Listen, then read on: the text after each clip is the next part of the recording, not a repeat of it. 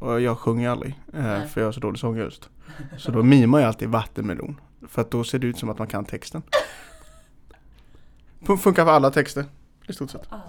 Vattenmelon. Ja men, sjung en sång och så, så kommer det se ut som att jag sjunger den också. Nu grönskar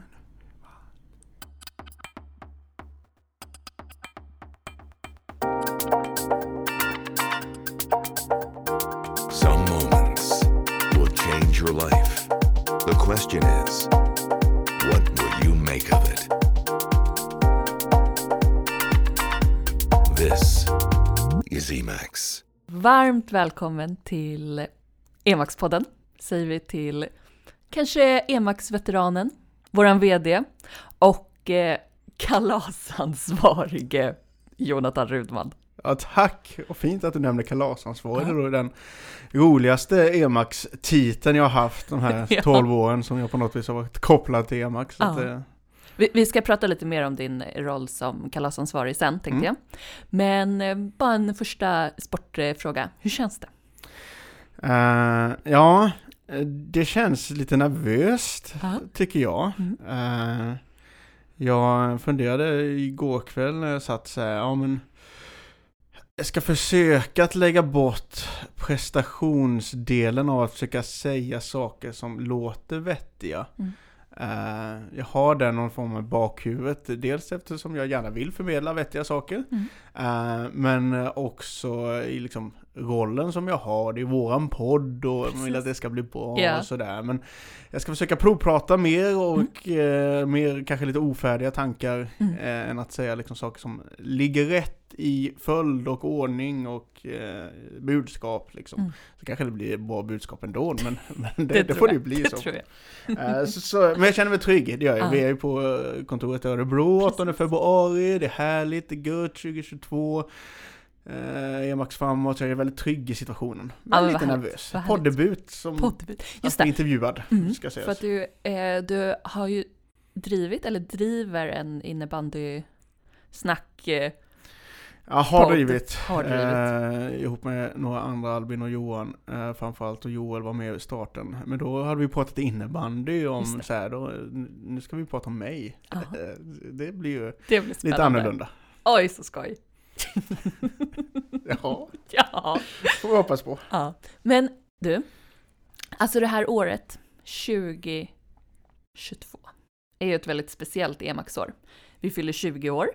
Eh, Vi kommer få komma tillbaka till Chalmers och Göteborg. Hur, hur liksom, vad har du för förväntningar på, på året som kommer? Ja, men framförallt utgångspunkten av att eh, vi då förhoppningsvis kan genomföra ett eh, in person eller live face to face EMAX igen. Eh, ser jag väldigt mycket fram emot och blir ju lite speciellt för liksom både mig och oss båda i våra roller att Mm. här vara ansvariga för det. Mm. Eh, det ser jag verkligen fram emot. Mm. Eh, vi har gjort bra digitala event, Ja. väldigt bra digitala event. Eh, men det är något ändå med att kunna göra en high five liksom som, Precis. som är svårare att göra digitalt. Ja. Klappa igång föreläsningarna. Ja men precis och få någon form av känsla med hur tas det emot och sådär. Mm. Alltså det är svårt att veta hur saker och ting tas emot Mm. genom en skärm. Så. Och, eh, ja, de delarna Mm. och kunna liksom få möta Mm. deltagarna igen. Eh, Så det ser jag verkligen fram emot och kopplat till 20-årsjubileet då så, så jag som ändå försöker ha något form av liksom så här, entreprenörs ekosystem perspektiv, helikopter och så vidare så, så är det ju häftigt att ett evenemang Precis. liksom har varit i grund ganska likt och samma i 20 år inom den här världen. Alltså Ja. det är väldigt många fantastiska olika organisationer och event som genomförs. Eh, Men ofta så blir de tre, fyra, fem Mm. åriga. Precis.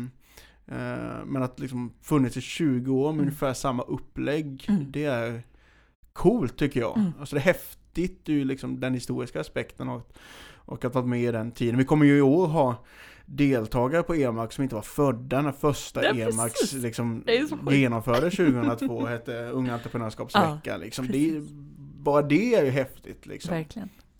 Om vi, om vi får sträcka lite på oss och vara lite malliga, vad tror du liksom har, har orsakat att vi faktiskt har funnits i 20 år. Och som du nämner, inte gjort liksom superradikala stora förändringar på, på eventet.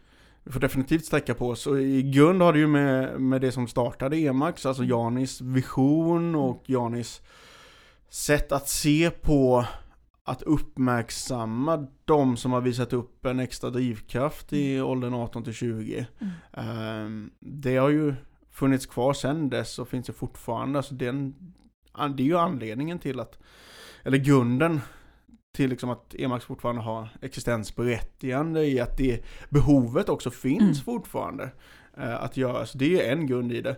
Eh, och sen är det ju ja, men Janis och sen också Mia och Martins stora Precis. engagemang, alltså Mm. Som organisation Mm. av att långsiktigt satsa på Emax och liksom den typen av verksamhet, även om åren har gått sämre, så har man haft det långsiktiga perspektivet Mm. i det. Eh, och ska vara med i historiska så, och det vet ju eh, du och jag framförallt, som kommer från liksom volontärssidan Ja. in och projektledarsidan in i Mm. det, så är det ju de personerna som kanske på något vis har gått in i uppdraget mer med hjärta än, eh, ja men, och liksom med det syftesdrivna som Mm. Emax ändå är liksom. Mm. Eh, det gör att det har kunnat finnas så länge. Mm. Eh, eh, då tar man den extra extra timmen eller man kanske tar den eh, liksom den extra energin som behövs in och, och sådär. Och det någonstans bidrar ju till att, att det fortsätter liksom. Mm. Precis. Nu, nu, nu sitter jag och tänker på Måns här. och, Underbar Måns Palmberg. ja, Ja. och när han... Härligt att när du han kom in på Måns här tidigt i avsnittet. Nej men och att han, när han säger att så här, man kastar på ved i elden hela tiden. Ja. Typ.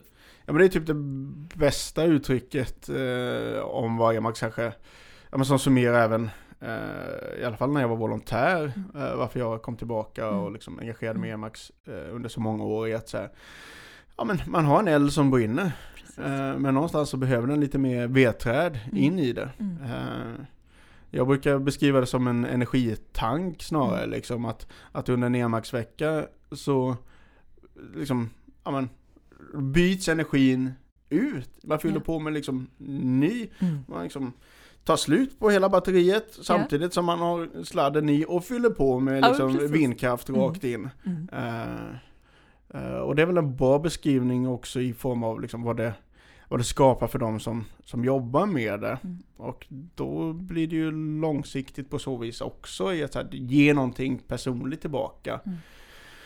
Som man behöver som individ i det.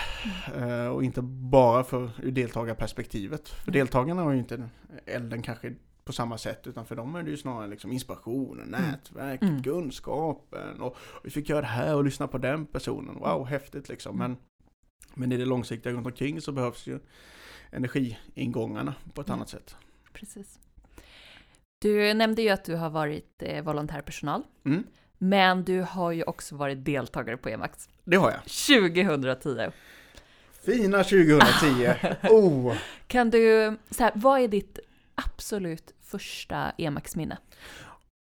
Mitt första måste då vara när eh, Adrian då, Svarts, tidigare Emax-deltagare, Mm. jobbade som skolinformatör på en företagsamhet i Kalmar. Mm. Ringer upp mig och säger att han har fixat en extra plats till Emax. Eh, för jag Ah. blev inte uttagen först Nej. eh, av de två platserna som, som Kalmar län hade då. Eh, och frågade, det var ganska kort inpå, det kanske var någon månad innan eller något, och sa Ah. Vill du köra? Jag bara, ja, varför Ja. inte? Eh, så att hade inte han löst den så hade jag inte haft någon koppling till Emax överhuvudtaget och nog inte sett mig som en entreprenör heller liksom. För det blev någon form av så här stämpeln i att ja, men, Mm. det här kanske är något för mig liksom. Annars är det tydligaste och det här kan jag ha berättat om innan. Och så är det ju på tåget upp. Mm. Eh, nervös 19-åring var man väl då. Eh, och eh, såg ut som att det var några andra nervösa 19-åringar som satt i den här vagnen. Eh, så då så här, men, de bytte på samma ställe och Ja. vi närmar oss Örebro och så. Ja, ska, ska ni till Emax? Ja. Jaha, ja det ska jag också. Eh, och en av de personerna var Max Pettersson, eh, som jag hängde med hela Emax-veckan och eh, är ju en av mina absolut bästa vänner idag som jag hänger med veckovis Mm. fortfarande. 12 år efter och jag ska vara toastmaster på hans bröllop i sommar och så vidare. Eh, och det, liksom, det blir någon form av liksom första också som summerar vad, vad Emax ger. Att det, Mm. det ger mycket vänskap eh, på så vis. Ehm, och sammanhang som jag aldrig annars hade kommit i liksom. Nej. Av dem så får man ju också ut diskussioner, kunskap, inspiration löpande liksom Mm. i det. Eh, så det är väl det skarpaste första minnet, ja. Ja. Sen, sen har du ju också valt att eh, komma tillbaka som vol- volontärpersonal. Mm. Vad var det som, som liksom fick dig att, att faktiskt vilja komma tillbaka? Ehm, ja men det kan vi koppla tillbaka till den här elden lite, för 2011 var jag inte volontärpersonal året Mm. efter, då körde jag sommarföretag UF i Kalmar län. Mm. Eh, och någonstans till 2012 då, så kände jag väl att jag saknade sammanhanget av EMAX. Mm. Eh, så det var då en anledning att få den här energin och få uppleva det igen. Mm. Eh, när jag kom hem efter 2010, man kommer alltid hem till midsommar och mamma undrade ju vad jag hade varit på för ställe liksom med, med den energin. Jag var också helt slut, Ja. trött såklart. Vi dygnade sista natten Mm. och eh, ja, klev in i, i, i liksom Ja, någon av oss klev ju in i frukosten i kostymen på galamiddagen igår liksom. Och, och då ska man ju veta om att Emax är ju även ett alkoholfritt evenemang. Ja. Så det är inte så att vi har festat hela natten. Nej. Utan vi har suttit och pratat entreprenörskap hela natten. Så. Eh, Så dels den energibiten. Och sen tror jag det också fanns någon form av så här karriärsmässig del, i alla fall första året när jag sökte, så här, det här kan nog vara bra, alltså Mm. ledarskapsmässigt och vara coach och så vidare. Mm. Eh, Men det fanns bara första året, sen har det ju fallit, för det är inte anledningen, de flesta kommer till EMAX som personal, men, men det vet jag var första året, så här, ja, men här kan jag få en coachtitel och, Mm. och vara ledare och sådär. Eh, Precis. Eh, Ja. Och sen har jag ju varit sen 2012 eh, ja men volontär och sen lite på uppdrag då som Mm. tävlingsledare Precis. eh, innan jag blev anställd. Ja. ja, du är väl kanske en av de som, i alla fall jag vet om, som har haft eh, så här, mest olika roller på Emax. Det är kalasansvarig, tävlingsledare, simuleringsledare, coach. Coach, Coach, coach. Skulle du vilja... support. support. Skulle du vilja guida oss lite igenom de här olika rollerna? Ja. Eller vilken roll har du också känt det liksom, det här var bra? ja men någonstans började ju som, som coach liksom Mm. tidigt. Ehm, men jag hade nog kunnat ta vilken roll som helst Mm. då, för då vill jag mest också vara med. Mm. Ehm, och i då första åren där så märkte väl Emax, ja men ledningen att uh, Jonathan han verkar vara en skön prick liksom, även vad ska man säga, på scenmässigt med potential. Och jag hade ju också då börjat komma igång lite med min konsultverksamhet, att vara konferencier och hade ju med mig den erfarenheten från Ung Företagsamhet att stå och prata inför folk liksom. Och hade gjort det ett och ett halvt år inför gymnasieelever som eh, så målgruppen kände jag ju liksom. Ehm, och där någonstans så kom väl upp någon idé om att vara kalasansvarig i den. Så då var det en kombination av att vara en, en liten ehm, eh, mood manager på scen, alltså Mm. se till så det var skön stämning och vara en liksom, connector mellan deltagarna i det som skedde på scen. Samtidigt som vi gjorde en grej av att jag skulle ansvara för sociala medier. Byggde vi på det retoriskt med att jag kom Mm. upp och till på scen, satt på en pinnstol. Ja. Sen satt jag på en pinnstol med en, en, en, en, ett bord framför Ja. mig och sen hade jag fått en blomma på bordet till nästa föreläsning Ja. och sen har jag fått en skönare stol. Och Ja. Så byggde vi ju på det vilket blev ett kul inslag Mm. och så var jag liksom ställde extra frågor till föreläsningen och så vidare. Mm. Eh, så det slutade ju med att på sista föreläsningen så satt jag ju en egen soffa och med en deltagare som också fick sitta på scen och jag hade hängt upp kostym bakom inför galamiddagen och blommor, jag hade egen kyl med Coca-Cola och liksom gjorde en, en kul retorisk grej av det. Mm. Eh, men det var ju en rolig roll på så vis. Ja, sen coach, jag vet inte hur mycket vi ska gå in på de olika rollerna, men, men, snabbt där så var jag ju väldigt intresserad av simuleringen som var Ja. den gamla tävlingsdelen. Mm. Eh, och eh, Emax funkar ju så att visar du intresse så bejakas det intresset och vill du utvecklas så bejakas den utvecklingen. Mm. Eh, så kom jag ju ganska nära Niklas som var tävlingsledare då Mm. och diskuterade simuleringen. Jag ställde säkerligen alldeles för många jobbiga frågor. Så då började jag ju sätta sig in i den Mm. biten och där behövdes ju också fler tävlingsledningar som hade kunskapen om hur simuleringen fungerade och kanske framförallt hur den inte fungerade, för det var ju där frågorna kom Mm. kring. Det här, vi får inte säga datorspelet, men kan vi ändå få förklara för lyssnarna att man Ja. spelar dator Ja. som eh, företagsledare liksom. Mm. Ehm, så då blir det att jag blir coach-coach och det innefattar ju också lite mer att träna övriga coacher i, Mm. i ledarskapet och coacha dem. Mm. Eh, och sen då när Niklas någonstans la över sitt fokus på sitt egna bolag så blev det ju naturligt att jag då tog över som simuleringsledare. Ehm, vilket är ju också ett, en kul roll för det är ett rollspel som vi hade den då, att vi Mm. byggde upp det, den som var simuleringsledare som en en supermänniska Ja, på så verkligen. vis som man var liksom inflygen från USA var ju Niklas då, men jag var ju fortfarande i LR, i, då i entreprenörssvängen, så mig kunde Mm. vi inte bygga på riktigt samma sätt, men alltså vi byggde ju en roll kring Ja. den. Dels för att det är kul att bygga Mm. en sån roll, Mm. ehm, men också behövdes ju det kopplat till simuleringen. Precis. För att simuleringen var så pass svår, Mm. så att vi behövde bygga auktoritet på simuleringsledaren, att här är Mm. någon som kan det. Eh, För hade vi inte byggt den så hade det varit svårt att kunna ha simuleringen. Ehm, Men den hade ju också sina eh, nedsidor, den rollen. För, för connection med deltagarna var att de trodde att man var den personen liksom. Ja.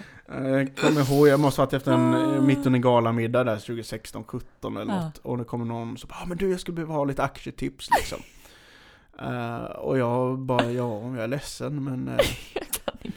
Missade du det där vi sa på scen om att jag egentligen inte kanske är den superexperten inom det här området liksom. Och bara besvikelsen i den personens ögon. Så på så vis är jag också glad över att, att vi där i den processen kanske på slutet när den blev lite utdaterad den här simuleringen gick Mm. över till nuvarande tävlingsmoment. Ja, det skulle man ju nästan kunna kalla för ditt, eh, inte, inte hjärteprojekt, men ändå det nya tävlingsmomentet som ju du tillsammans med Edvard och Emil har lagt ner väldigt mycket tid att, att forma och skapa.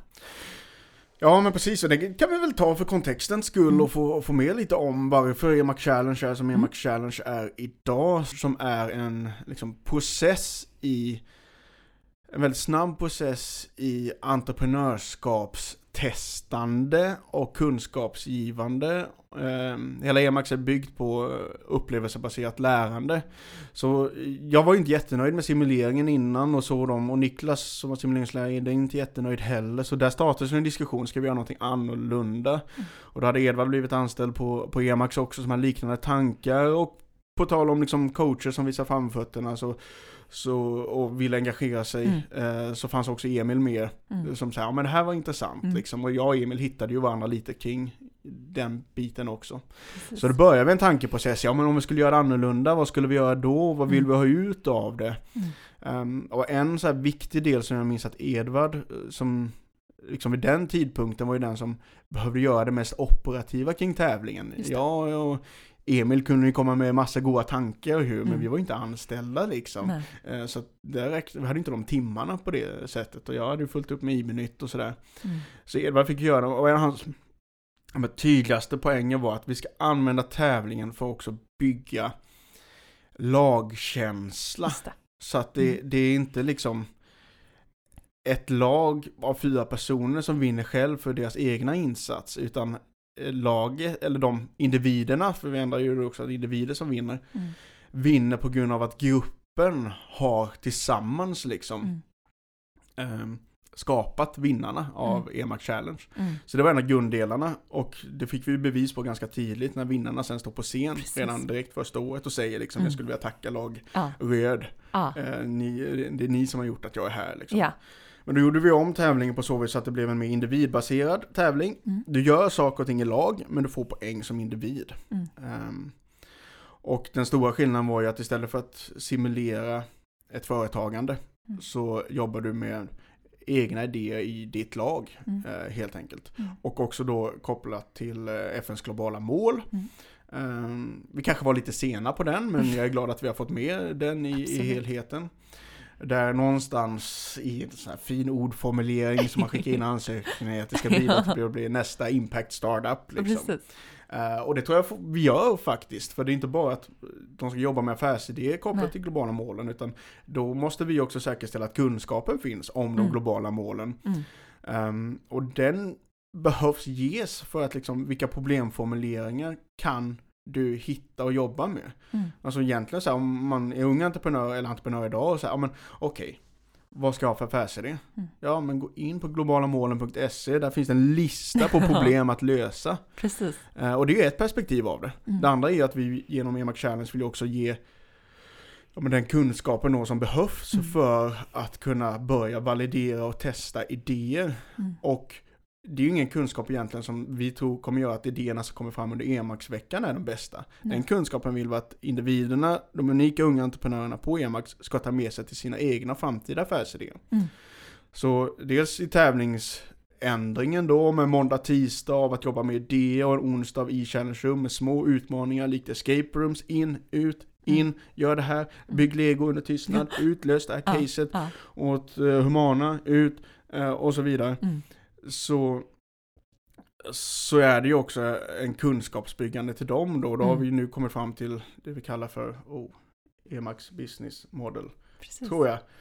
Eh, det är kul att jag inte vet, vi har ju olika modeller. EMAX Business Model, EMAX Validation. Method och så vidare. Precis. Men för att ge en, en, en kunskap till deltagarna som de kanske inte har fått där de befinner sig. Eh, I form av hur du kan testa, varför validering är viktigt, varför Mm. reflektion är viktigt kring affärsidéer. Mm. Ehm, så där byggde vi om hela den tävlingen egentligen och feedbackmingel och Mm. det finns inget bättre än att liksom ställa sig tre våningar upp och titta Nej. ner när man ska ge feedback på Ah, idéerna liksom, och mullret och så. Ja. Så det var en ganska stor ändring för oss och Mm. den har vi förfinat eh, en del på vägen Mm. och testat olika digitala tillägg på Mm. den och jobbat med öppen innovation Mm. som också är ett, ett uttryck som behövs förklaring egentligen Precis. men googla det istället. Ehm, för att på något vis maximera den ändå stora procenten av EMAX-veckan som läggs på, på själva tävlingen Mm. och maximera i form av både då den här gruppprocessen som det Mm. egentligen handlar om, att Mm. jobba med nya människor, nya Mm. konstellationer inom tajta deadlines med hjälp av Mm. en coach som stöttar dig. Eh, men också maximera kunskapen som du kan ta Mm. med dig till ett egen entreprenörskap Precis. efter liksom. Precis. Och det är mängder med detaljer Ja. som egentligen man vill, jag vill förmedla. Mm. Eh, men eh, vill man veta mer så får man väl ringa då kanske. Ja, Annars så precis. kommer hela avsnittet handla om EMAC Challenge och, Ja. och varför vi, skiftar lag och Ja, coachens roll med incheck och den coachande ledarskapet som också utbildar väldigt mycket till våra coacher. Mm. Och att, att ställa frågor och, Mm. och guida. Mm. Eh, så att du som coach inte ska säga det där är en eller dålig affärsidé Nej. utan snarare säga men hur kan du ta reda på om det där är en Ja. bra affärsidé? Ja, Ja, men precis. vilken data behöver du för att underbygga den eller bygga dina hypoteser och, och hur ska du Mm. hinna göra det? Och, ja, Mm. Det finns mycket. Det finns mycket att säga. Nej, men jag, jag tycker verkligen att eh, det här nya tävlingsmomentet dels är mer eh, kreativt, entreprenöriellt, Mm. om man jämför med, med simuleringen. Och sen tycker jag också att det är väldigt fint ja, men när, vi, när vi byter lag och eh, arbetar mer med, med gruppprocessen kanske. Av att, att få vara kreativ med, med olika typer av personer, lära sig av varandra och eh, ja, men både ha ett, ett gruppfokus men också på något sätt ett individfokus. Ja, och den har vi ju verkligen fått med genom den så att liksom individen utvecklas samtidigt som, som laget jobbar med idéerna helt enkelt. Mm. Eh, och den kombinationen emellan så att Mm. säga. Och det är ju häftigt att se att hur en person kan, kan liksom med det ska man säga, bagaget den kommer in i Amax med Mm. på, på söndagen. Mm. Kan gå ut på torsdagen med ett helt annat för den även liksom i den gruppprocessen har då kunnat antingen hitta en helt ny roll Mm. som den insett, oh den här, här får jag energi, här mår jag Mm. bra i den här Mm. rollen. Eller också kommit till ett sammanhang av att säga, vänta nu, den här rollen är ju den jag vill ha men jag kan inte vara det hemma. Nej. Men här kan jag testa att vara den och hitta Mm. det sammanhanget. Precis. Och ska man ju vända på det att du kommer liksom till, till grupp och lag av andra högpresterande till viss del inom entreprenörskapsdelen i alla fall med mycket idéer och så vidare och får helt plötsligt komma i en miljö där du kanske är den som hemifrån har varit som har drivit på och skapat Mm, idéer mm, och fått mm. igenom dem och så vidare. Mm. Och sen här, vänta nu är det nu är det fyra, fem andra Ja. i ett lag som också har idéer. Hur, Ja. hur ska det gå till? Och resonera med dem och vad och hur? Och, alltså så, här, så det är ju, Precis. där blir ju den coacherna väldigt viktiga. Mm. Och egentligen inte bara coachen utan all enmanspersonal Mm. viktiga i det som sker ja, men, i mellantiden, på lunch och på fika och på kvällarna. I att så här, vara reflekterande ihop med deltagarna för att de ska känna sig trygga och också komma framåt i sin, Mm. sin utveckling. Då. Precis. Um, jag tänker att vi, vi snart hoppar in och, och lär känna dig bättre. Jag Men- pratar jättegärna om Emax Ja, såklart. Men, men innan, Eh, innan, vi, innan vi kommer in där så Mm. vill jag bara, okej, vi har de här 20 åren nu av eh, Emax. Har du, nu vet jag ju att du har varit med sedan 2010, men om du får välja liksom ett, ett minne eller en berättelse som du har hört som du så här bär med dig lite extra, vad skulle det vara? Vad finns det, för, alltså, det finns ju historier från uh, madrasstiden. Just det. Eh, den är ju väldigt eh, intern och rolig för vad som har nästan Ja. varit med. Men när Emax arrangerades i Örebro Ja. så bodde alla deltagarna i studentlägenheter. Mm. Ehm, och för att man skulle kunna bo där då så behövde vi köra ut med madrasser helt enkelt. Mm. För man ska kunna bo med en en. Eh, och checka de här lägenheterna och så vidare. Och det var ju alltid avslutningen då på de Emax på torsdag när deltagarna hade åkt hem eller checkade ut. Mm. Så åkte vi volontärpersonal runt i bilar och samlade in madrasserna och checkade ut lägenheterna och kollade så allt var okej och så vidare. Mm. Det var lite kul för då kunde man ju helt plötsligt där vid 10 på torsdagen ligga på 15 madrasser och bara vänta på att madrassbilen skulle komma. Och så hade vi komradio över halva Örebro som man pratade i med, med liksom, ja, folk trötta och helt slut efter en veckas jobb och sen var det någon som jättemycket energi liksom. Eh, Alexandra Weissman framförallt och Moen hon var med och det ska vara liv och så vidare. Och så, ja, vet, ja, allt. Madrass. Men annars är ju Kenya, om vi bara Mm. ska ta det kort, så var det ju en, en häftig del av att så här, eh, att Innovation Norge och Bård eh, var så drivande i att så här, ta Emax till Kenya och Mm. testa det där eh, ihop med oss då såklart. Mm. Eh, och den resan på tio dagar är ju häftig Mm. eh, och, och också intressant och väldigt reflekterande för, för en själv liksom. Mm. Dels i rollen som Emax i form av att testa upplägget, konceptet i en eh, ny kultur som det ändå är, alltså ett land med andra förutsättningar än, än Sverige, Norge och Norden som Emax har funnits in innan med, med Nordic och så vidare. Ehm, men ändå liksom ganska tidigt hittat, jag menar entreprenörskapet Mm. förenar ju är ju lika till stor del bara att när vi pratar globala målen där så är Mm. alla affärsidéer kopplat till globala målen. Men här måste vi ju nästan eh, skapa oss kunskapen först Mm. innan vi kan liksom. Mm. Men, men det, så den var intressant. ehm, där historiemässigt kanske den, den eh, som också visar lite DNA av Emax är ju att vi på fredagen då ska vi tänka deltagarna kommer söndagen eh, och måndagen kommer deltagarna för invigning. Um, får reda på att eh, det ska vara nationell sorgedag Mm. på tisdagen. Mm. Alltså mitt i Emax-dagarna, liksom dag två. Mm. Liksom så här, vilket gör ju att...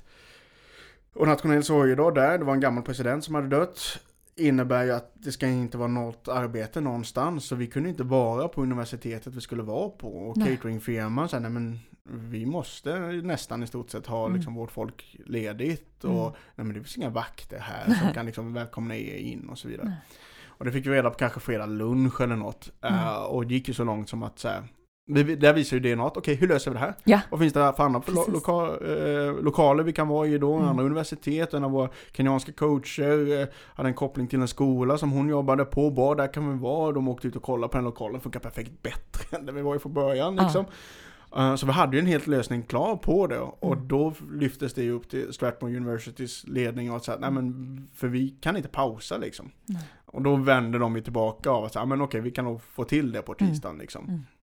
Men där gick vi från att okej, ska vi ställa in hela Mm. alltet till att sen kunna genomföra det. Mm. Ehm, och det blev ju fantastiska dagar eh, av att sen välkomna 100 Precis.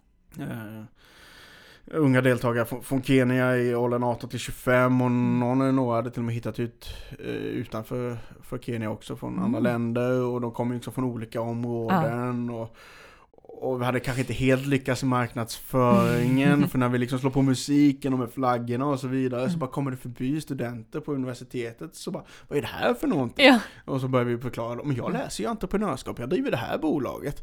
Eh, ja, vill du vara med? Ja. Ja.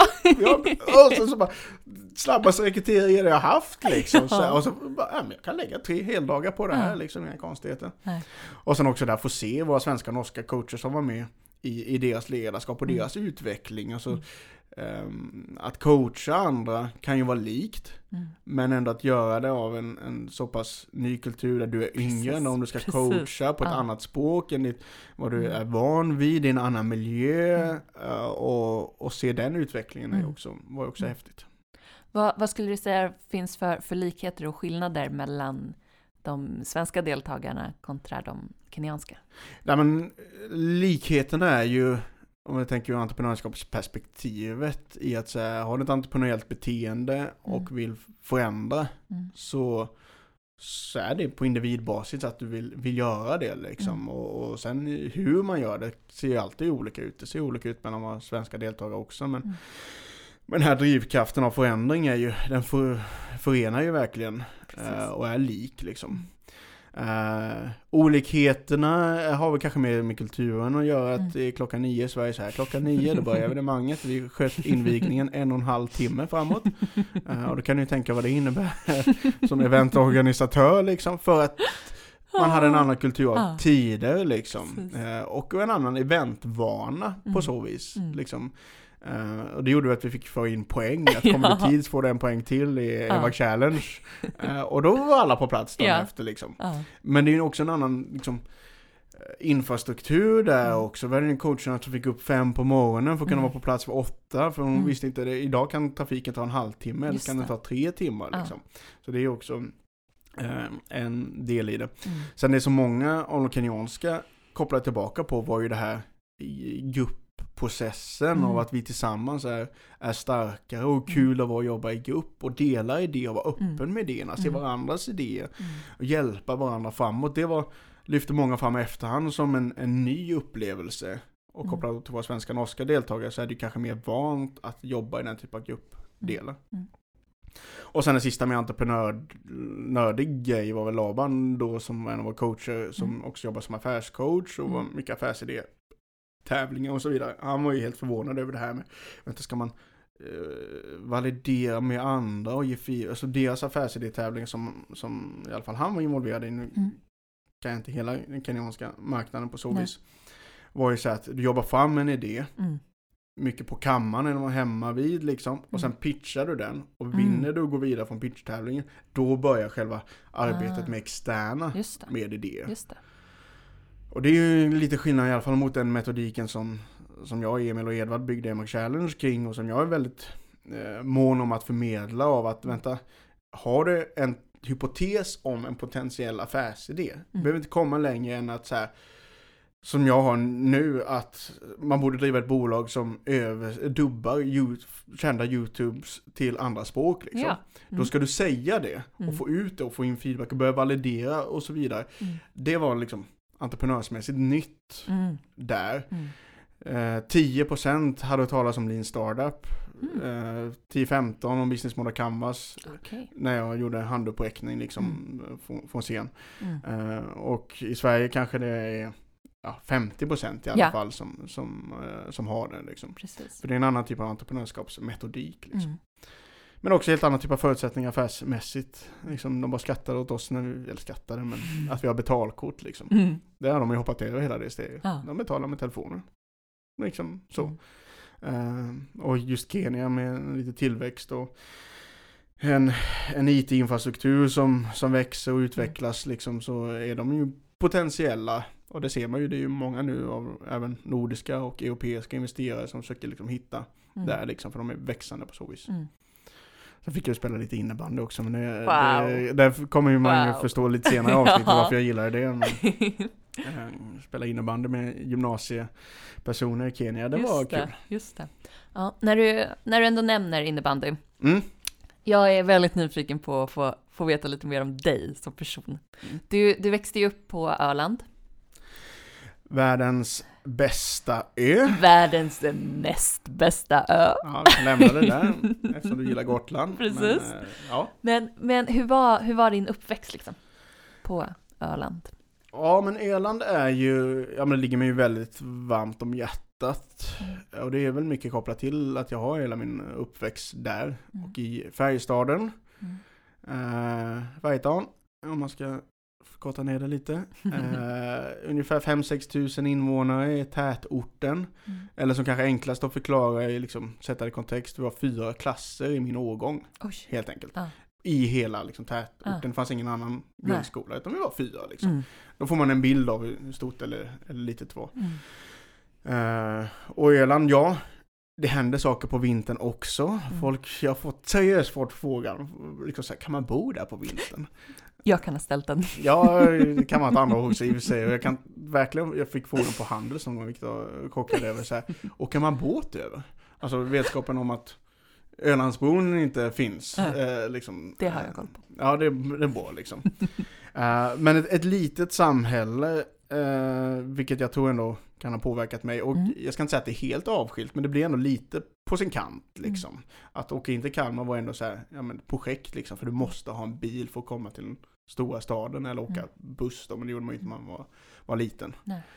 Ehm, och jag ganska tidigt in i olika sammanhang Mm. av framförallt idrott Mm. eh, och fotboll och innebandy då.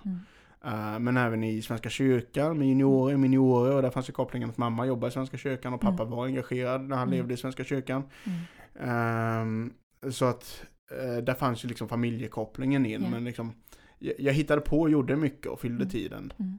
på många sätt. Varför Eh, tror du att det var viktigt att liksom, ja, men vara engagerad på i olika idrotter, i kyrkan och, och liknande? Ja, men dels tror jag att jag tyckte det var väldigt kul. Mm. Så här. Och alltså det är ju inget ovanligt att vara engagerad heller. Alltså jag tänker familjeperspektivet av att, så här, att skapa aktiviteter för, för sina barn var väl en naturlig del. Mm. För mamma också liksom, Mm. för, för oss att göra.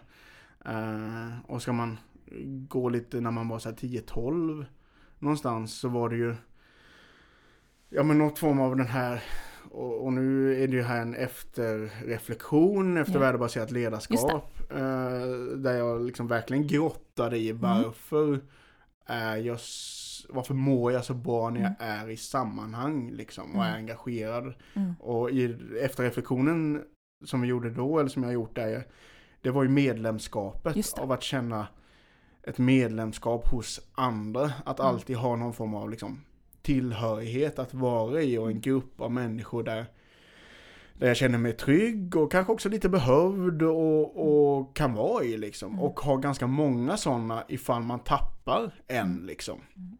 Så tappar jag en grupp av någon anledning liksom, så Mm. har jag andra grupper där jag också är engagerad i och det tror jag har Just varit en anledning till att jag har varit med i många. Mm. Eh, och reflektionen vi gjorde, gjorde då som jag ändå har landat i är ju, ja men eftersom pappa dog när jag var väldigt ung, Mm.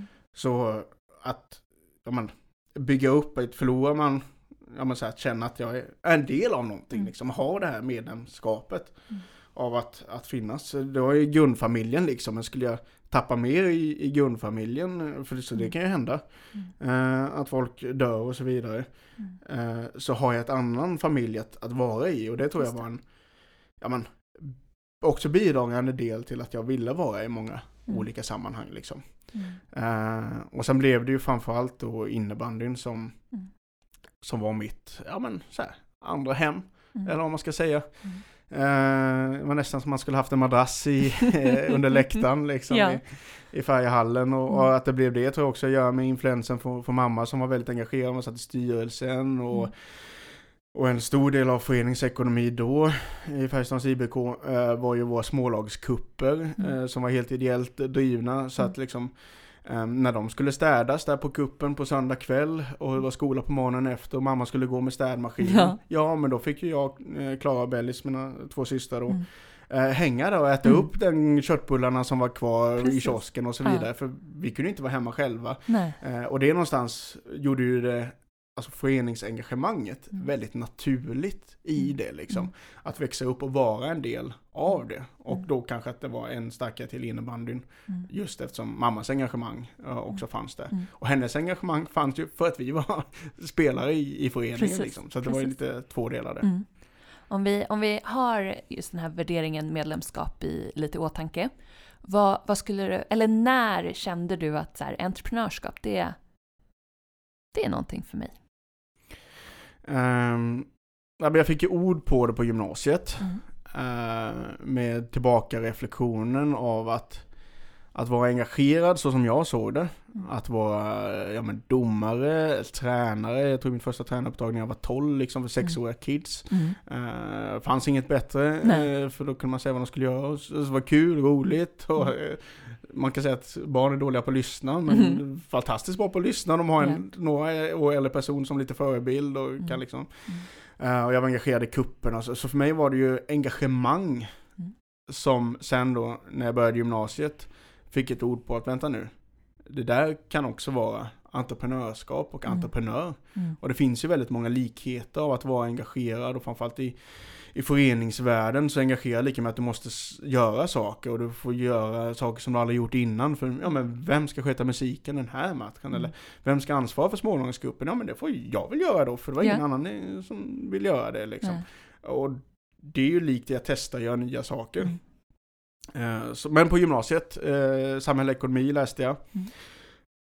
Och läste ju då eh, entreprenörskap hette det inte, våren hette företagsekonomi eller företagande eller Ah. ja, eh, det som idag är entreprenörskapskursen då. Mm. Eh, och drev UF-företag. Mm. Och det var ju då som liksom, benämningen entreprenör och entreprenörskap blev tydligare för Mm. mig liksom. Mm. Drev Hallmansson UF Wow, med Joakim och Filip. vilken grej. Ja.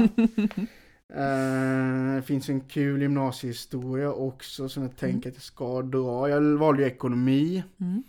Eh, Det visar också på något form av eh, entreprenörskapsbeteenden då. De flesta av mina nära vänner valde kanske samhälle, idrott. Mm. Eller vissa hade landat i sitt framtida yrke, att de vill bli, bli byggare liksom, eller elektriker eller, Mm. eller sådär. Så att eh, jag kände ju ingen i klassen när jag började, helt nytt steg. Första gången för mig att testa något nytt av att gå till samma klass egentligen från årskurs Just 1 till årskurs 9. Mm. I alla fall med samma gäng liksom. Mm. Eh, och väldigt nervös tror jag, Mm. framförallt i, om vi kopplar tillbaka till Susan Whelans gruppprocesser i Mm. form av liksom så här, vem är jag Ja. ens i Ja. det här? Och Ja. väldigt så här, jaha, vilka kläder ska jag ha på mig? Ekonomi, måste man ha skjorta, kostym då? Mm. Eller hur ska det vara här? Eh, och så minns jag typ första lektionen så ställs frågan i klassen att så här, är någon här som inte känner någon? Mm. Eh, och jag är svinnervös och vill inte visa mig sårbar någonstans, Nej. vilket är också en annan del i, Mm. i en själv som kanske inte alltid är så positivt att jag inte vill visa mig sårbar. Men i alla Mm. fall så jag räcker inte upp handen. Men då var det en kille som räckte upp handen, Mm. Joakim. Så det, när den lektionen är slut så går jag ut och säger hej till honom. Mm. Och jag känner inte heller någon. Eh, och sen dess har vi, han varit mm, en av mina absolut Ah. närmsta vänner liksom. Mm. Också ölänning, fast från norra Öland då. Och Wow. då ska man ha i åtanke att södra och norra Öland, vi har ingen interaktion i ungdomsåren, utan nej. Just. Utan det är olika skolor och Ah. man hatade ju Borgholm med innebandyn och fotbollen liksom. Ja. Eh, och han då jazzlösa lite utanför Borgholm Ja. liksom. Ehm, så det var väl också lite, eh, ja men kul story kopplat till den, Mm. men, men som också visar på och byggde någonstans kanske varför jag också trivs i entreprenörskapssammanhanget, av att jag har positiva upplevelser av att när jag vågat göra någonting Mm. nytt Mm. så har jag fått ut väldigt mycket positivt av det. Mm. När jag har vågat säga hej till Joakim eller Ja. vågat då, och håller kvar med gymnasiet, att, Mm. Att ja, men, testa eh, ekonomi och testa driva UF-företag och går man tillbaka Mm. några år att jag åkte på innebandyläger i Jönköping utan att känna någon liksom. Mm. Eh, och träffa väldigt goda vänner där. Alltså Mm. jag, jag har positiva upplevelser av att, att våga utmana mig själv i Mm. det. Mm. Ehm, jag har ju aldrig haft entreprenörskapskopplingen till kanske eh, innovativa delen av att, upp, om man ska säga kategorisera uppfinnardelen Nej. liksom. Utan jag ser det mer liksom som, som sammanhanget och processen och, och, och Mm. de bitarna Mm. liksom. Eh, Men Halmarsson UF Halmarsson nu. sålde t-shirtar med eh, tryck. Wow. En streckkod med texten Who are you? Det är Mm. lite intressant. Ja. Vi ville få kopplingen av att så här, alla är en, en unik streckkod. Så Mm. vem är du som streckkod? Mm. Och sen andra t-shirten med pingvin på. Linux-pingvinen fick vi veta i efterhand. Med texten I am a fucking penguin. Som inte var helt genomtänkt kanske, för det var ju benämningen jag är en jävla pingvin och inte den andra benämningen av fucking. Eh, men det tyckte folk var kul. Den sålde vi faktiskt i Finland på eh, SM, så att Mhm. eh, internationella var vi. Wow. Uh, Wow. Ung Företagsamhet eh, tycker jag ju verkligen väldigt mycket om Mm. och är ju egentligen där liksom mitt entreprenörskap började ja, men gå tydligare åt Precis. företagande Precis. hållet liksom. Ja. Eh, och är väldigt glad att vi vi var ju tvingade att göra den Mm. eh, som en del av kursen men att Mm. vi också gjorde den och gjorde Mm. det på det sättet vi gjorde. Att vi tog det så pass eh, seriöst Ja. som vi gjorde. Jag visade Mm. någon film för Johanna innan Precis. poddavsnittet. Där vi Så roligt. Jonathan Rudman, VD, Halmarsson UF. Med härlig öländsk dialekt liksom. men, men att vi gick in med det så pass seriöst Ja. tror jag har haft nytta av eh, därefter. Helt Mm. enkelt. Mm. Om, man, om man tittar på dig idag som, eller hur ser du på dig själv idag som entreprenör? Ehm, det är en bra fråga. Mm. Och ett svar som har lo och kommer fortsatt ändras lite där då. Men, men just idag, liksom februari 2022, Mm. så ser jag mitt entreprenörskap mer som ett, ett eh, intraprenörskap. Mm. Eh, om man ska slänga sig med benämningar på Ja. det. Eh, eller entreprenör i en organisation. Mm. Eh, kanske en bättre benämning på det.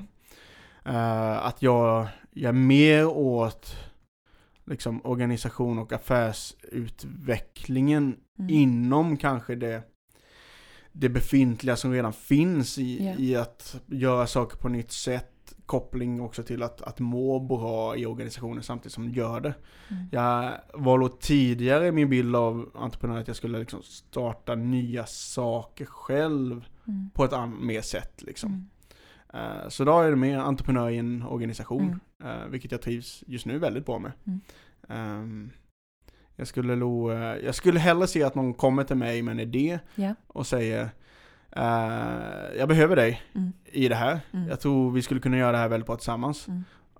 Och då skulle jag säga tillbaka förmodligen, bra, härligt. Driver du bolaget så jobbar jag som anställd så Ja. kanske jag kan ta några procentandelar. Men Precis. tar du huvudansvaret Ja. så, så gör vi det här tillsammans. Men, Mm. Men liksom, jag hoppar på, Mm. på din idé liksom. Mm.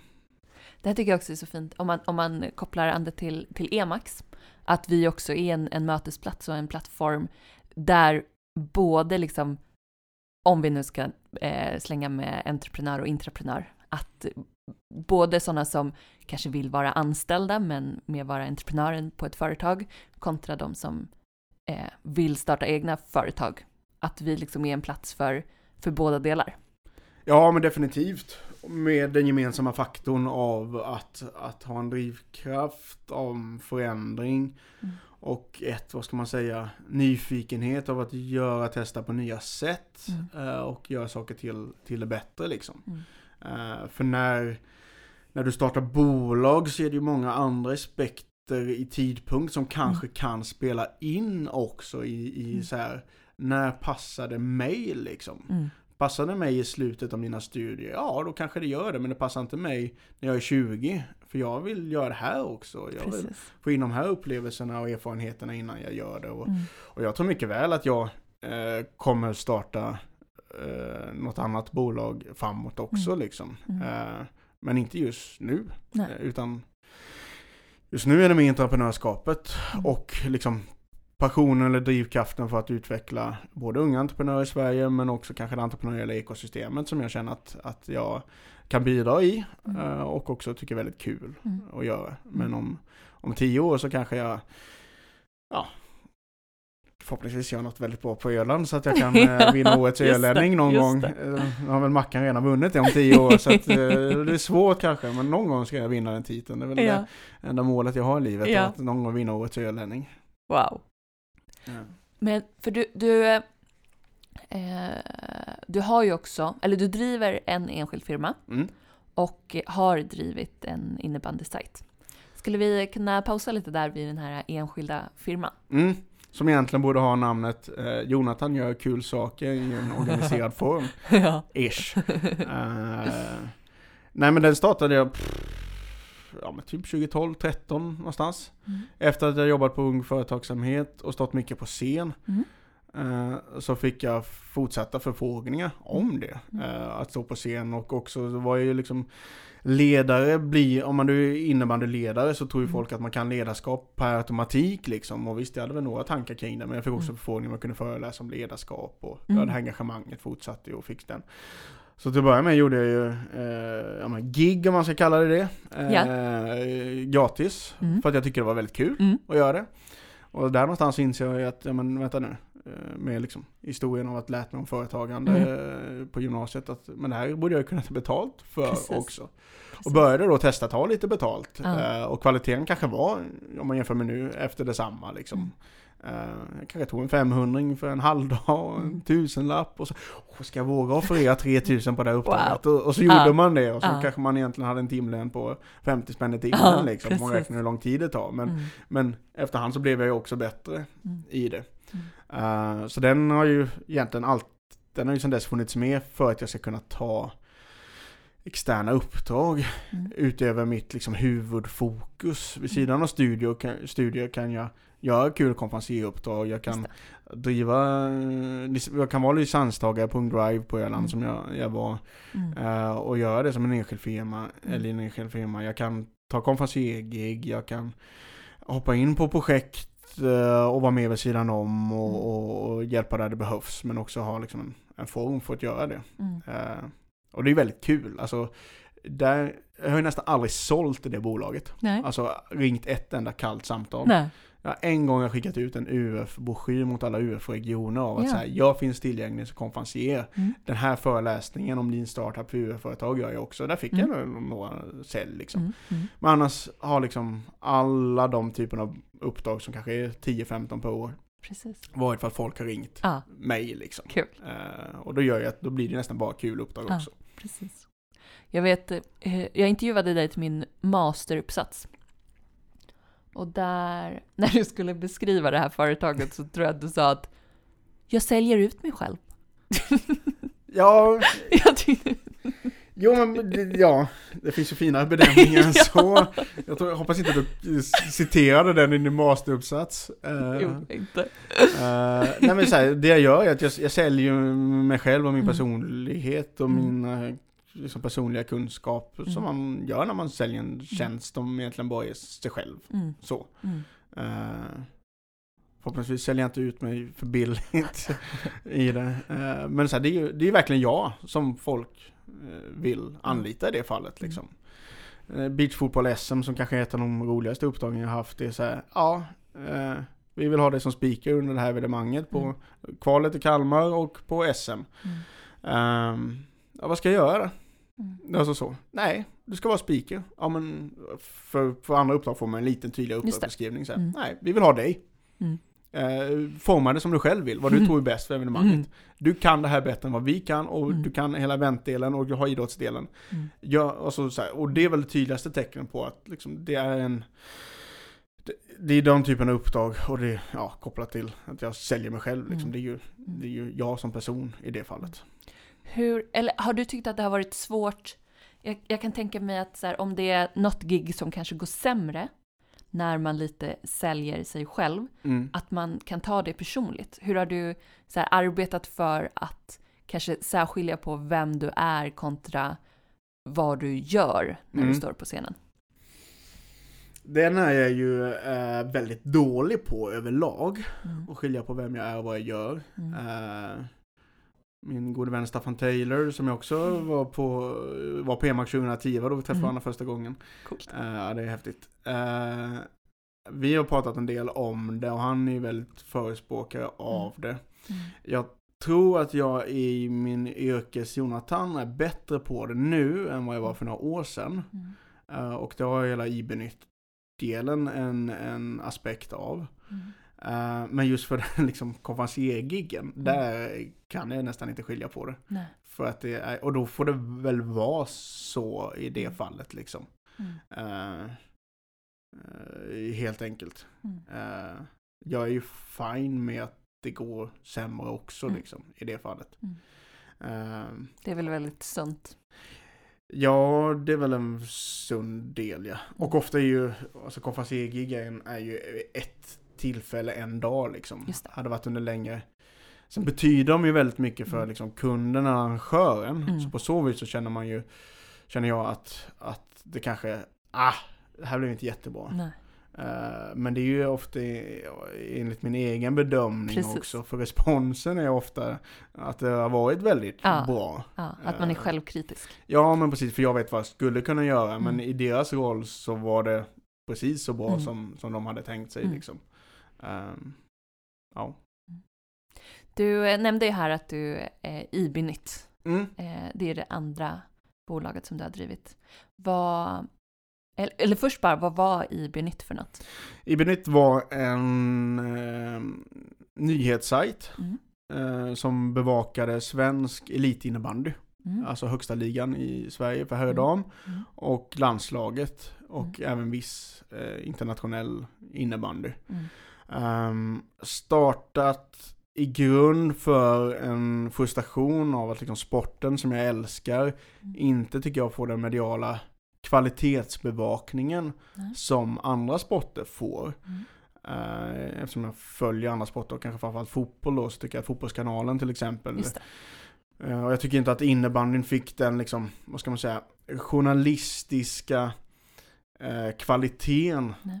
som jag tycker sporten förtjänar och som jag också tror att sporten behöver för att bli tagen mer seriös av liksom den delen av Sverige som fortfarande finns kvar som potentiella eh, intresserade av sporten. Mm. Liksom. Vi har nått en bit med Mm. innebandyn, men Mm. vi har kvar de, kallar man det, de, ja, som lite intresserade av sport men inte har fastnat vid innebandy än liksom. Ehm, så det var liksom grund, eh, nyhetsrapportering i, i text, Mm. i eh, videointervjuer som då 2016 var ganska ovanligt att göra på sättet jag gjorde det. Mm. I form av min mobiltelefon, alltså tekniken fanns men nästan ingen gjorde det. Sen nu kan man kolla på OS och så visst, de stora TV, sändande tv-bolagen har ju tidigare investerat i stora kameror och så vidare så de kör ju fortfarande med dem men Mm. på mästerskap idag så är det ju väldigt vanligt med mobiljournalistiken på så vis. Du har med Statte, alltså stativet som Ja. min kollega på IB-nytt. Eh, min enda kollega som var med överallt. Eh, alltid, kan alltid lita på Statte. Han stod där. Mm. Och så kopplar du bara på mobilen och sen så har Mm. du telefonen in. Mm. Och så kan du redigera direkt i mobilen och sen upp på Mm, sajt. det. Eh, och liksom, det var inte superredigeringen men eftersom Kanske, om du kommer inte ihåg, men 80% av alla våra läsare var ju i mobilformat. Så då räcker det Mm. också att inputen är i mobilformat. Mm. eh, in liksom. Mm. Eh, så på det sättet så var jag också ganska, ja men, lite innovativ i utförandet där och då. Mm.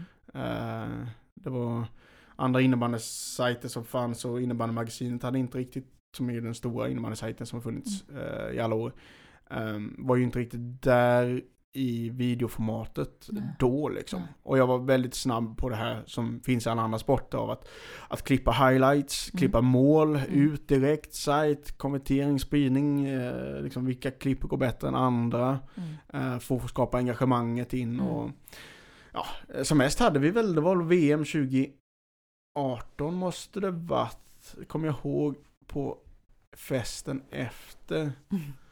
Så tittade jag veckoläsningsstatistiken och då hade vi nästan 40 000 läsare, Oj. alltså unika användare i Google Analytics då, Ja.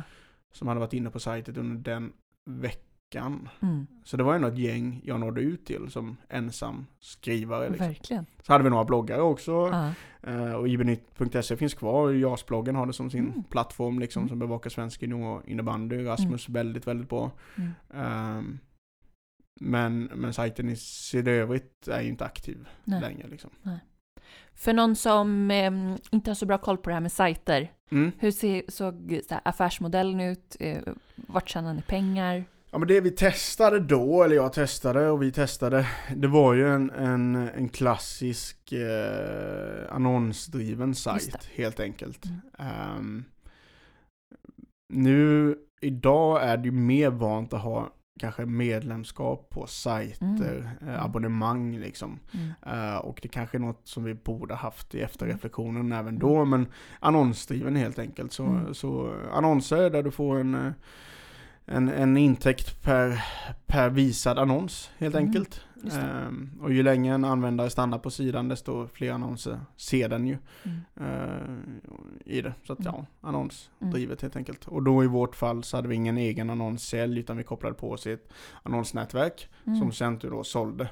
Eh, eh, liksom, nationellt egentligen, så vi var bara en. Det. De som annonserade hos oss visste inte att de annonserade hos oss, utan Mm. de visste att de annonserade i nätverket. Mm.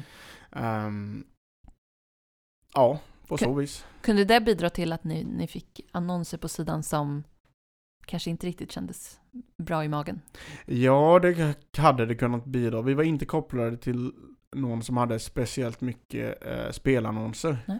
Eh, vi hade lite vet jag, men inte fokuset. Mm. Annars om man tittar på Spotsite idag så är de ju fyllda av eh, spelannonser Mm. och också ja, men, här, journalistiska samarbeten ihop med Mm. spelbolag. Liksom. Mm. Eh, och, eller bettingbolag ska man ju säga. Den typen av spelbolag, inte, inte gaming av att spela Nej. Minecraft. Nej. Vilket är väldigt kul att titta på. Mm. Men det är en annan sak. Ehm, Kvällsnöje. ehm, och där någonstans, så här, vi hade kunnat ha en högre intäkt Mm. om bolaget hade varit drivet mer affärsinriktat, fokuserat på intäkter. Mm. Ehm, och där kom jag ju i den liksom interna egendiskussionen med mig själv liksom Mm. i ska släppa på mina grundprinciper av att varför jag gör det här i Mm. att liksom ehm, ja, men öka den journalistiska kvaliteten. Mm. Hur många av dem ska jag släppa på Mm. för att liksom, bolaget ska kunna överleva Mm. eh, och fortsätta. Mm. Och inte behöva lägga ner det som jag behövde göra. Och någonstans där så var ju kanske ja, men spelannonser Mm. en avvägande del som jag inte ville släppa på. Nej. Eftersom jag vet vad, vad betting kan liksom ha för negativa konsekvenser och, in, och influenser. Sen är det fortfarande alltid ett, ett eget ansvar att inte agera på de annonserna. Men har du ett sånt flöde Mm. hos dig så är det ju på något vis i den värdekedjan ett, en, en del av att, att liksom bidra till spelmissbruk Mm. också. Eh, och det kände jag inte att vi, jag ville vara en, en del av. Liksom. Mm. Så det var ju en, en av de liksom, grundprinciperna som, som jag hade släppt med på och gjort med den typen av samarbeten som gjort att sajten hade kunnat överleva och finnas eh, idag. Det är jag helt övertygad om. Mm. Eh, en annan var ju hur mycket klick, eh, fokuserade rubriker det ska vara på Just saker och ting. Mm. Där eh, jag släppte en del på det och var lite klick. Eh, för att det är sättet att leda in trafik liksom. Du behöver en ganska spetsig rubriksättning och Mm. Ganska spetsiga formuleringar på Twitter och så här. ehm, stjärnans eh, nya klubb. Mm. Och, men inte skriva vad det är för klubb. Man måste trycka in på artikeln för att läsa den och sådär. Mm. Det är väl ett ganska eh, vanligt sätt och helt okej sätt att liksom landa i journalistiskt också, Mm. så att säga. Ehm, men där, det är sådana typer av diskussioner eh, som, som i den typen av bransch och när du då satt på, på de flesta stolarna själv, Mm. eh, eller alla stolar själv. Ja. Eh, jag fick landa i och diskutera med mig själv hela ja, tiden. men precis. Eh, Vad, vad känner du att, du att du lärde dig under, under tiden när du drev i? Men jag lärde mig... Nu frustar jag som en häst här. Ja. Eh, för jag tror inte jag är klar med den reflektionen, men jag har reflekterat en del. Ja, men dels så lärde jag ju mig... Eh, ja, men... Hur ändå svårt det är att, att driva bolag. Inte att driva det. Men för mig utmanande i hur många beslut du måste ta som, som grundare Mm. hela tiden om Mm. olika saker liksom. Mm. Ehm, det, det kan inte ha med bolaget att göra utan med mig som person att göra i att så här, beslut måste tas hela tiden och avvägningar liksom. Är det värt att åka på den här matchen som kostar så mycket resemässigt? Vad får jag ut av det på kort sikt? Ja, det Mm. kommer jag aldrig kunna räkna hem. Men vad får jag ut av det på lång sikt? Ja, men jag bygger en relation, jag gör unikt mot konkurrenterna och så vidare. Mm. Eh, och någonstans är det ju grundare, eller den som driver bolag som måste ta alla de besluten hela tiden. Precis. Eh, så där lärde jag mig mycket tror jag i, i form av så här, att kunna resonera med mig själv kring avvägningar. Mm. Eh, jag lärde mig också att jag tycker det är väldigt kul att jobba väldigt mycket. Mm. Eh, vilket nog en, eh, det är klart väldigt tidigt, inget jag förespråkar. Eh, och inte något du ska säga är lika med att du ska driva bolag så ska du jobba väldigt mycket. Det är liksom inget, inget likamedstecken på att du måste jobba väldigt många timmar om du ska starta och driva företag. Nej. Det går att göra utan det. Mm. Och det är väl en bild som tyvärr i media byggs upp av att så här, om ska du bli en framgångsrik entreprenör eller ska du bli entreprenör överhuvudtaget så måste du eh, eh, jobba väldigt, Precis. väldigt mycket liksom. Mm. Men det finns hur många företag som helst där, och framförallt de kanske mer välmående företagen, Mm. ehm, där även ägaren går hem vid klockan fyra, fem liksom. Ja. Ehm, och framförallt om man tittar på det vanligaste företagssättet eh, av att driva mindre bolag liksom, Mm. så är det ju mer naturligt Mm. av att, att göra det. Mm. Men jag lärde mig att jag tycker om att jobba mycket. Mm. Eh, och inte för att det kanske alltid behövs, utan Nej. ibland hamnar jag på att jobba mycket för att jag tycker det var, var kul och jag lärde mig att det eh, personligt då att jag känner mig behövd av när jag jobbar. Mm. Eh, och det ställer ju en fråga till sig själv då, av så här, varför är det så viktigt för mig att känna mig behövd? Mm. Precis. Och kan jag inte ersätta den tiden då med att känna och hitta de sammanhangen någon Mm. annanstans liksom? Mm. Och ersätta kul med att jobba med kul med någonting annat. Mm. Ehm, jag lärde mig också ganska mycket av att uh, jag måste säga, eh, reflektionen efter är ju att jag skulle testat längre innan jag sa nu kör vi. Jag slog ju på Mm. fullt blås från början Mm. av att så här, det här är det jag ska göra. Mm. Jag skulle haft en längre testperiod, kanske på ett år först. Eh, för att ja, men testa affärsmodeller, testa upplägg, testa Mm. teknik, eh, skapa engagemanget och liksom inte gå från ingenting till nu kör vi. Mm. Och eh, jag skulle varit mer flexibel när intäkterna inte blev så höga av att så här, ja men jag skulle kunna haft ett halvtidsjobb samtidigt och liksom slagit ner på takten. Och då kommer man tillbaka till den personliga lärdomen av att, att jag i rollen som att starta Ibernytt slår ihop mina två yttre, vad folk ser att jag är. Jag är Mm. entreprenörs-Jonathan och jag är innebandy-Jonathan beroende Mm. på sammanhang liksom. Mm. Eh, och då slår jag ihop till en Mm. eh, person då. Nu är Mm. jag entreprenörs-Jonathan som driver ett innebandyföretag. Mm. Eh, Så att någonstans där lärde jag ju mig kanske på försöka vara bättre på skillnad på vem jag är och vad jag jobbar med. Ja. För hade jag kunnat gjort det då Mm. så hade jag då förmodligen ändrat eller lagt ner bolaget ett år Mm. tidigare Mm. till exempel. Eller ändrat upplägget i alla fall Mm. eh, av, av ja, men, de bitarna Mm. helt enkelt. Mm. Eh, jag var för mycket sammankopplad i vem jag är med vad jag också gjorde. Mm. Eh, vilket gjorde ju sen när jag sa, bestämde mig för att nej, nu ska jag inte driva. Ibernytt längre. Nej. Så var det ett beslut som kanske togs redan liksom, i januari det året, men Mm. det meddelades inte förrän i maj liksom. Nej. För att det behövdes någon form av lång sträcka. Ja. Och ja men, vem är jag Mm. Nu då? Precis. Den liksom delen Mm. var nog största drivkraften till att jag inte ändrade eller la ner tidigare. För jag visste Nej. inte vem, vem jag var Nej. när jag inte drev mitt bolag liksom. Mm. Vad har du landat i, i den frågan nu? Vem är du när du inte driver Ibenit? Eh, ja, det har jag väl landat i. Eh, men den är också lite kopplad till, alltså jag, det blev ju, ja, vi brukar skämta om det, men det var kanske fjärde gången som Startcentern frågade om ska inte jobba med oss liksom. Eh, och att gå tillbaka till att jobba mer med unga entreprenörer blev ju liksom en, ett enklare steg. Mm. Eh, Men jag gjorde verkligen en ordentlig reflektion där under sommaren i form av så här, ja men vilken, om man tänker det yrkesmässiga, Mm. vilken, vad ska jag vad ska jag vända mig liksom? Ska jag börja plugga något annat liksom? Ska jag, ska jag gå åt konsulthållet och techhållet? Mm. Vad är min roll yrkesmässigt överhuvudtaget? Eh, och då fick man ju påminna sig om att ja, men jag tycker faktiskt det är kul att jobba med entreprenörskap Ja. i det. Mm. Eh, men vem jag är om man ska skilja på jobb och sig själv då, så har jag Mm. fortfarande lite svårt att skilja på det. Eh, För jag är ju på något vis halvt tillbaka i entreprenörs Jonathan Mm. liksom. Fast jag jobbar med entreprenörer. Mm. Men jag kanske mer i alla fall är trygg i mig själv att jag är som person och liksom utanför jobbet. Mm. Eh, ja, men jag ska vara en, en trygg punkt för mig själv och för andra Mm. människor. Mm. Jag ska bidra till god stämning.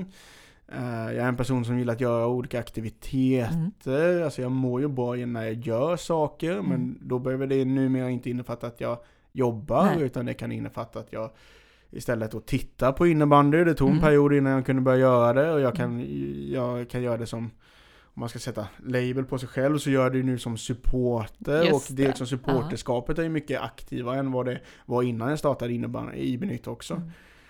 Ehm, ehm, ja men, jag är en person som, som i större utsträckning är liksom med i andra sociala sammanhang. Mm. Bada Ehm, bastuflotte. Ja just det, firade Emil, ja, Ja. precis. Jag. Ja men så jag kan hänga på och vara Ja. liksom, och framförallt så är jag ju en person numera som värderar tid med, med liksom familjen Mm. eh, mycket, mycket högre. Mm. Eh, än vad jag var innan. Alltså jag eh, mår själv väldigt bra, tycker det är väldigt kul av att liksom ja, men umgås mer med mamma och Micke, Mm. eh, mina systrar och med Pontus och Annie och de i sin tur har ju alla barn nu, Precis. vilket liksom Målblå Jonte är Ja. ju är ju väldigt kul Vara en pulka. Ja, ja men så vara en pulka som jag har på jul nu Ja. precis. Det är det nya, att vi åker inte pulka längre utan åker på Jonte, så jag får åka på magen. Spännande att få magmuskler jag har kvar, men som tur var har jag lite annat mjukt ovanpå dem. Så när det kommer en sten så, så får den liksom vara, vara kvar.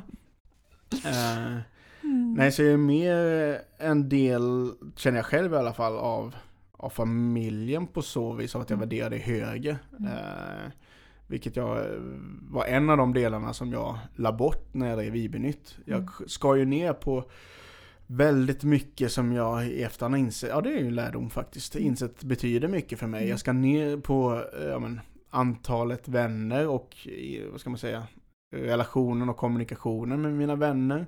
Mm. Eh, Jag ska ner på eh, ja, men, tid med familj, jag ska ner på träning och den Mm. har vi inte riktigt kommit tillbaka till ännu liksom. Eh, Och de delarna eh, lyfter jag fram och värderar mycket högre nu efter i den lärdomen. Och jag gör det inte bara för att, utan för att jag har ju också reflekterat över att jag mår ju väldigt bra när jag värderar det högre liksom Mm. i de sammanhangen. Mm. Att, att driva IB-nytt och skriva 7500 artiklar på eh, tre år, eh, typ, vad man nu räknar ut, 6-7 stycken per dag liksom. Mm. Ehm, det är inte, och med de arbetstiderna som är att så här, dagen börjar vid 10 Mm. och slutar vid eh, 02, för matcherna är ju sent på kvällarna. Mm. Ehm, det är ju inte bra för måendet Nej. heller liksom, i någonstans. Nej. Eh, så att värdera sitt egna mående högre Mm. liksom. Härligt att höra. Du, innan vi, eh, vi avslutar. Ja, vi har pratat länge. Ja, vi har pratat Oh, länge. Får nästan be om ursäkt till er som har lyssnat, eller er få som är kvar fortfarande. Uh, vill ni prata mer så, så ring. ja, ring Jonathan. Ja. Nej, nej men, så är ju eh, jämställdhet någonting som vi på EMAX arbetar väldigt mycket med. Mm. Eh, vad skulle du säga liksom är våran, nu vill jag säga framgångsfaktor, för att vi eh, faktiskt är ett väldigt jämställt evenemang. Mm. Historiskt så har vi ett deltagaravtal på 52 eh, tjejer som har varit deltagare och 48% killar. Vad, vad skulle du säga ligger bakom det? Får jag stå ut lite och säga, det är en framgångsfaktor om man jämför med andra, men det är också en bör vara en naturlighetsfaktor Absolut. Ja, verkligen. eh, på ett, ett eh, ja, jag är trött på att vi fortfarande inte är där Nej. i samhället av Mm. att det liksom ska, ska ses som en framgångsfaktor. Mm. Eh, Men det är ju den allmänna bilden. Nej men eh, i, utan att kan all EMAX historia, men, men av det som, som ändå jag varit en del av och som, som vi är en, en del av nu när vi har gjort reflektionen, ehm, så är ju liksom delarna av att, att lyfta fram förebilder Mm. eh, av eh, ja, men både båda könen för igenkänningsfaktor men också andra aspekter liksom Mm. i, i vilken typ av förebilder du lyfter fram för att skapa den här igenkänningsfaktorn. Mm. Eh, inte bara lyfta fram stora som tjänar massa miljarder utan hitta entreprenörskapsförebilder i sammanhanget. Kommunikationen är en väldigt viktig del i vad Mm. du väljer för typ av bilder, ordval och så vidare. Och där tror jag Emax alltid har varit ganska duktig. Mm. Eh, och det blir ju någon form av självskapande hjul också för gör vi det så kommer vi få fram nya förebilder av Mm. det och vi kommer ha en fortsatt ehm, ja, men, om vi pratar kön, jämn könsfördelning av intresserade av att, att vara med på Emax för Mm. att liksom, det, det skapas en, en naturlig liksom, igenkänningsdel. Mm. Och det är väl den som jag tror är viktig att, att skapa just att, att är du deltagare på Emax så ska du kunna känna igen dig av de personerna som är i innehållet av Emax. Du ska känna igen dig i volontärpersonalen och känna dig Mm. trygg med den. Du ska känna dig trygg med föreläsarna, med Mm. upplägget och så vidare. Ehm, så det tror jag är faktorer som, som spelar in. Mm. Uh, och men det framförallt som är liksom, om vi går tillbaka till grunden 2002, är ju Mm. att sen dess och fokuset har ju varit individen Precis. i deras Mm. unika entreprenörskap Mm. liksom. Mm. Eh, det är individen som är i, i fokuset. Det är Mm. inte om du kommer liksom från norra Sverige eller från Öland Nej. eller eh, vad du har för liksom företagar eh, familj som du är uppväxt i eller vilken typ av affärsidé du har eller så här. Det, det, det spelar ingen roll utan det är liksom dig är ditt unika entreprenörskap som Mm. är det som ska vara i huvudfokus Mm. och vi vill klappa dig på axeln och säga bra jobbat, fortsätt så här Mm. och förhoppningsvis ge lite verktyg att kunna göra det framåt liksom. Mm. Ehm, sen är det svårt Ja. att hålla det individfokuset och det är svårt att förmedla det och det, Mm. eh, det är svårt, vi är en väldigt liten del i ett större samhälle Precis. av massa aspekter liksom Mm. men, men kan vi förhoppningsvis framåt vara duktiga på att göra det vi gör Mm. eh, så kanske vi kan vara en, en liten Mm. del i en större Mm. del liksom. Eh, ja, det var kanske lite, inget konkret Nej. men ändå eh, Men jag tänker just det här med, med att vi har individfokuset. Eh, och att vi därför också kan vara bra på att se, se just individen och inte se om det är så här, ja men en, en kvinnlig entreprenör eller en manlig entreprenör. För att så fort vi liksom sätter ett sånt eh, label eller liksom stämpel framför så börjar vi associera det till, till olika saker. Ja men precis, då kommer associeringen till liksom, samhällsstrukturen på Mm. och då kommer de generaliseringarna som, Precis. som vi har blivit uppväxta Mm. med och som ligger någonstans i, i bakhuvudet Mm. eh, på det. Och det är ju en, en liksom ständig påminnelse av att försöka ta bort om en generaliseringar, exkluderande tankar och, Mm. och fördomar liksom. Mm. För att just kunna se individen och ha individen i, Mm. i fokus liksom. Verkligen. Eh. Mm. Sen har ju ja, men egenansvaret Mm. som person är också Just det. viktigt om vi, om vi är inne på den här diskussionen av att alltså förändra i den ja, men den sammanhang som du befinner dig i. Mm. Ja, men så här, det finns väldigt många andra som har mycket bättre tankar än, vad jag har. eh, och kan mycket mer om vad som är bättre sätt än andra liksom. Men att, att ta egenansvaret själv liksom. Mm, Och se att du precis. har ett eget ansvar Mm. i det. Mm. Och eh, sätta det in framförallt i andra människors perspektiv kanske. Mm. Och påminna dig själv av att göra det. Mm. Egenansvaret behöver inte alltid vara agera och stå på barrikaderna Nej, och, Nej.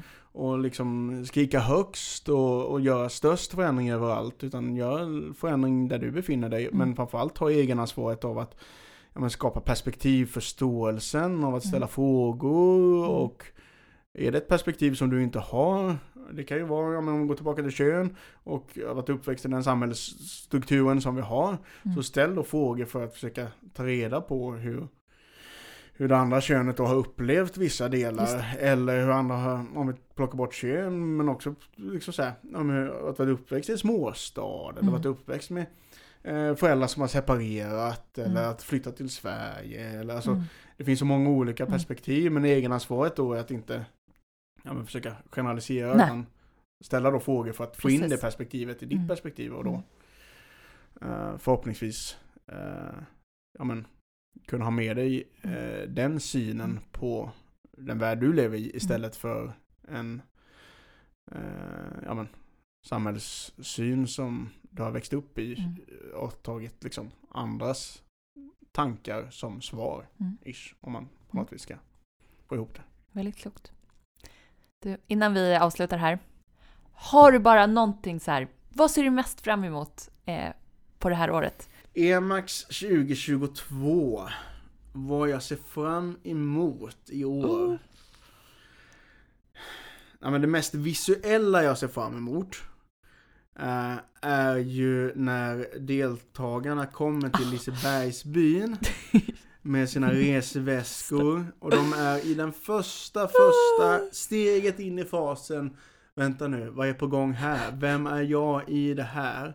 Ja. Och att liksom stå 20 meter bakom när en av våra fantastiska volontärpersonal Aha. går fram och ger en gimme five och säger välkommen till Wow.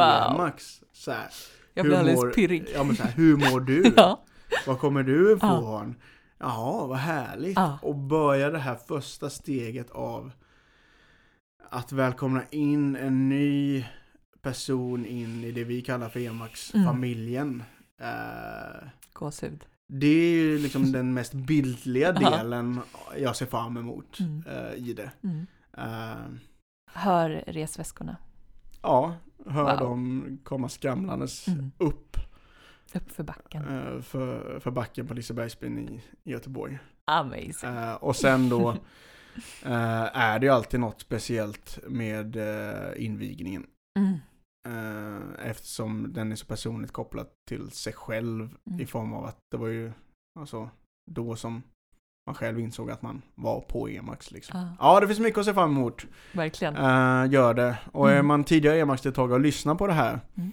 eh, så får man jättegärna höra av sig också. Om man vill Precis. vara en del av det på något Precis. vis. Eh, Även om du var deltagare 2002, så, eller Mm. 2005, eller 2007, eller 2011 eller så här. Eh, hojta gärna till om du Mm. vill vara en del av det på något Mm. vis. Mm. Eh, antingen nu eller framåt liksom. Eh, förhoppningsvis kommer vi under året också kunna ha bättre koll på vad tidigare EMAX-deltagare också Ja. har gjort framåt. Um, vilket jag delvis ser fram emot Mm. också. Men, Mm. men är man tidigare och bara vill så här, säga hej, Ja. gör det. Eller ta en Mm. kaffe. Det kan vara digital kaffe, går jättebra också. Eller komma förbi kontoret i Örebro Mm. eller i Stockholm. Mm. Eh, gör det. Vi eh, want to keep in touch. Oh yes. Med, med det pirret och uppmaningen så eh, skulle jag vilja tacka dig för att du ville komma hit till EMAX-podden, våran jubileumssäsong. Och eh, ja, vi jobbar på och eh, ser otroligt mycket fram emot årets EMAX. Ja. Vad ser du fram emot? Nej men jag är nog, jag är nog faktiskt inne på, på samma som dig. När man börjar höra eh, resväskorna, sorlet. Det är någon som kommer fram och liksom ger en high five, kramas. När vi tar dem upp till eh, deras rum. Hela den liksom känslan. Deltagardagsdagen. Det, det, det. Ja, då tar vi med Ja. oss den känslan och sen eh, går vi ut härifrån och Ja. eh, fortsätter göra förändring. Ja, Ja!